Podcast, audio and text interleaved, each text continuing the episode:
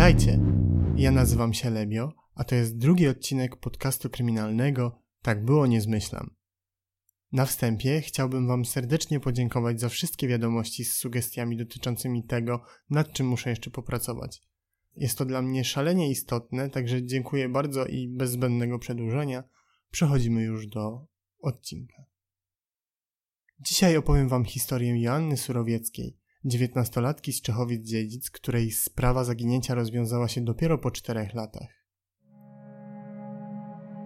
Joasia właśnie kończyła pierwszy rok turystyki na GWSH w Katowicach. Młoda dziewczyna chciała podróżować i zwiedzać świat. Przygotowywała się do tego bardzo solidnie. Asia bez problemu posługiwała się czteroma językami.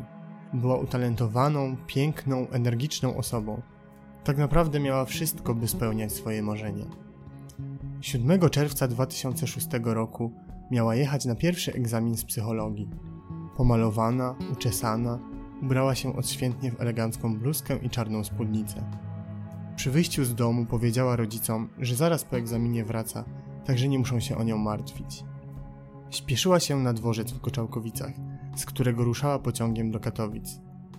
Parę minut przed dziewiątą, gdy była już w pobliżu dworca, Zadzwoniła jeszcze do swojego kolegi, który niestety nie odebrał. Gdy próbował do niej oddzwonić, telefon Asi milczał.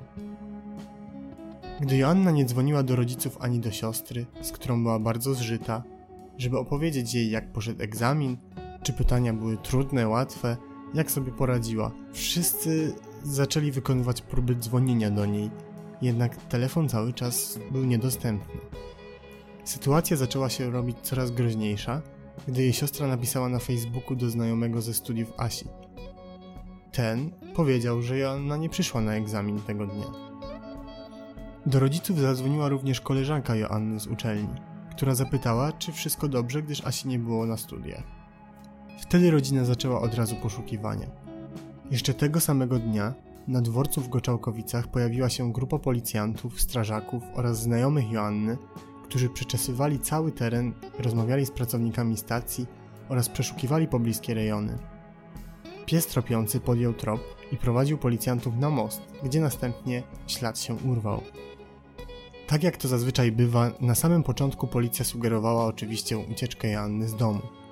Rodzina jednak stanowczo temu zaprzeczała, gdyż ich stosunki były bardzo dobre i nikt nawet w najgorszych scenariuszach nie brał tej opcji pod uwagę. Wtedy Przekonani byli jednak o tym, że Joanna została uprowadzona do agencji towarzyskiej i w taki sposób prowadzili też śledztwo.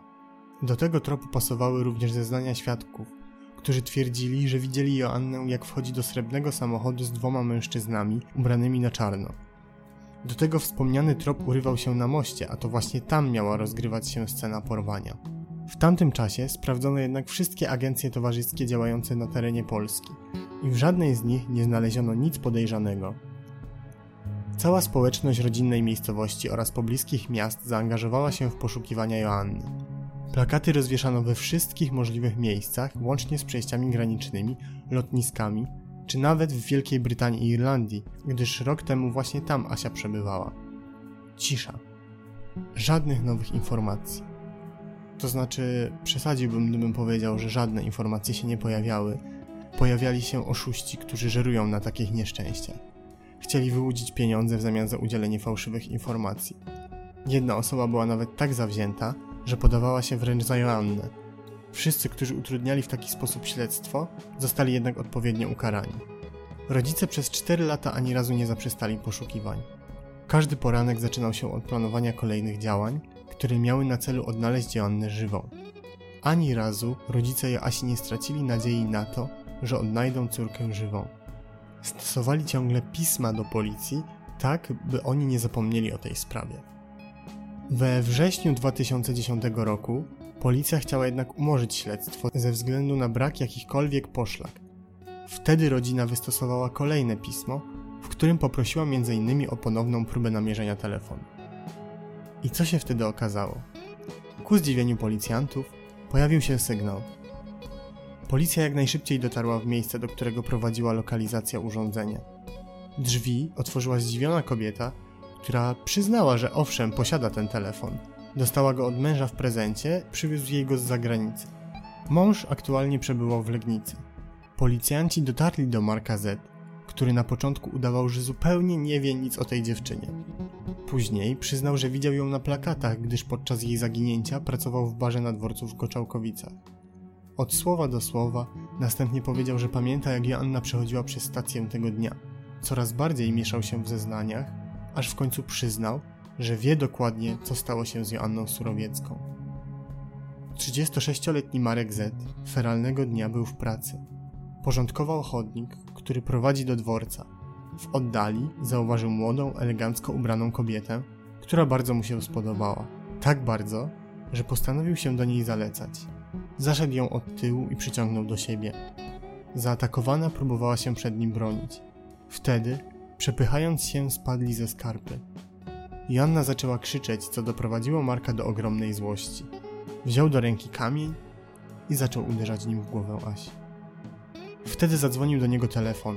Szefowa baru, w którym pracował, pilnie go potrzebowała.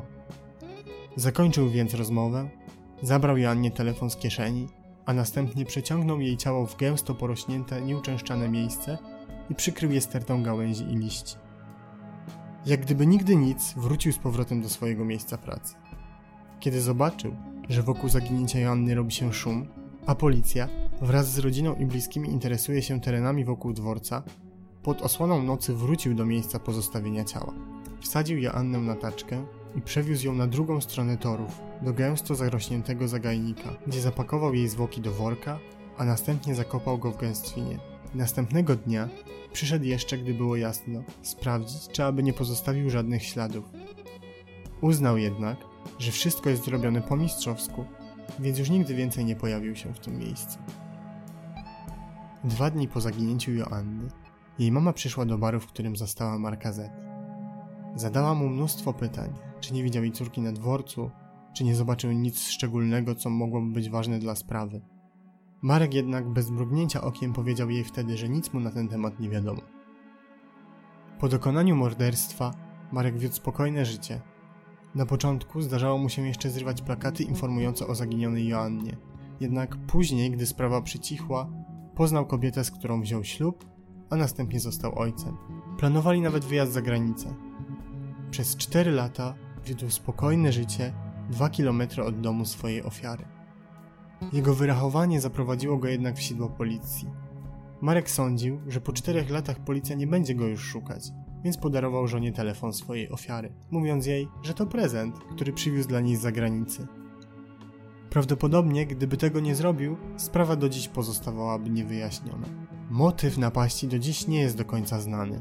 Wiele źródeł podaje, że Marek chciał zgwałcić swoją ofiarę, nie umiał opanować swojego popędu seksualnego. Dopiero gdy zobaczył krew na jej twarzy, stracił na to ochotę. Ta wersja nie jest jednak potwierdzona, gdyż po czterech latach nie da się ustalić, czy ona została zgwałcona, a sam oskarżony nie przyznał się do tego zarzutu. Możemy się więc jedynie domyślać, co nim kierowało. 17 listopada 2010 roku policja przeprowadziła wizję lokalną z udziałem wtedy jeszcze jako podejrzanego Marka Z. Przyjechali na miejsce, gdzie oskarżony wskazał konkretną lokalizację zakopania ciała Joanny. Z relacji wynika, że dopiero gdy odkopano szczątki, sprawca zdał sobie tak naprawdę sprawę ze swojego czynu. Po badaniach DNA ustalono, że zwłoki należą do Joanny Surowieckiej. Jej pogrzeb odbył się 8 stycznia w Czechowicach-Dziedzicach. 36-letni wtedy Marek Z trafił na obserwację psychiatryczną, po której stanął przed sądem oskarżony o zabójstwo 19-letniej Joanny Surowieckiej. Morderca przyznał się do zbrodni, nie przyznał się jednak do próby gwałtu. Przed sądem w Katowicach nie miał już jednak śmiałości, aby spojrzeć rodzinie Asi w twarz. Sędzia Gwidon Jaworski, który prowadził rozprawę, powiedział, że oskarżony powinien być trwale wyeliminowany ze społeczeństwa. Jego agresywność w skali 10-stopniowej została określona na 10 nie potrafi kontrolować swojej agresji i zagraża społeczeństwu. Sąd skazał go na 25 lat pozbawienia wolności. Czy to wystarczająca kara? To pozostawiam już Wam do oceny. W dzisiejszym odcinku to by było na tyle. Sprawa jest dość krótka, natomiast sami przyznacie, że jest dość szokująca. I gdyby nie jeden szczegół, mianowicie telefon, do dzisiaj byłaby nierozwiązana. Ja żegnam się z Wami powiedzeniem Jerego Springera. Dbajcie o siebie i swoich bliskich i do następnego.